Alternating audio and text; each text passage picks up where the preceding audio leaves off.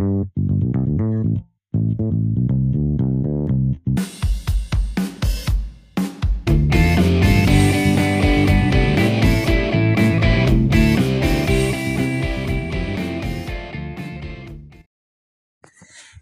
lo punya mesin waktu, lu bakal ke mana? Lu mau lakuin apa? Dan lu mau merubah apa?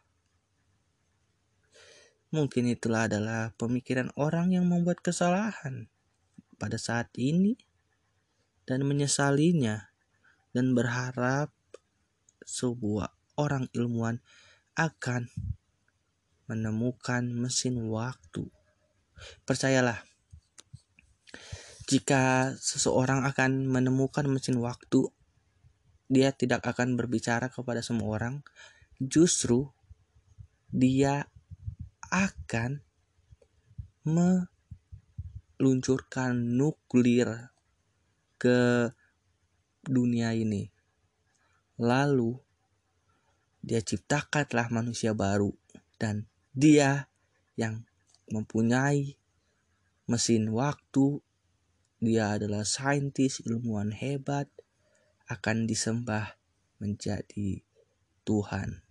Itulah kira-kira cerita sebuah series dari The Sra The Hundred The Seratus.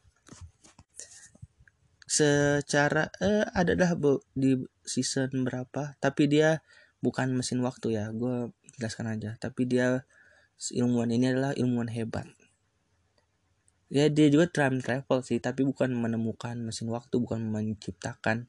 Dia kayak time travel aja gitu di dunia yang lagi sekacau-kacaunya lagi radiasi nuklir dia time travel dan dia dianggap Tuhan karena penemuannya teknologinya itulah kalau orang yang mungkin itu bisa terjadi di dunia ini jika seseorang punya teknologi yang sangat-sangat canggih, mungkin mereka akan memusnahkan umat manusia.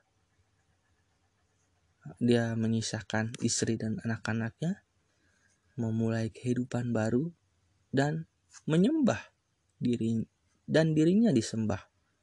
Karena ya teknologi yang itulah, itulah, itulah dia mengaku bahwa dia bisa segalanya dan bisa membantu apa saja. Tapi itu bisa disangkal jika ada seseorang yang sudah pergi terlebih dahulu dari bumi sebelum nuklir terjadi. Pergi ke si pusat satelit apa sih namanya bandar bandara pangkalan pangkalan luar angkasa mereka di situ didiamkan bertahun-tahun berabad-abad dibekukan apa namanya hibernasi dan mereka akan hidup kembali.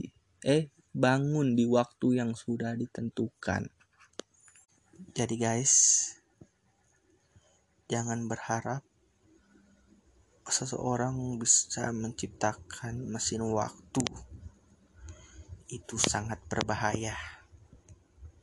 Ini gua ngomong gini karena habis nonton habis nonton series The 100 teknologi itu bisa membuat anda dipuja disembah dilayani.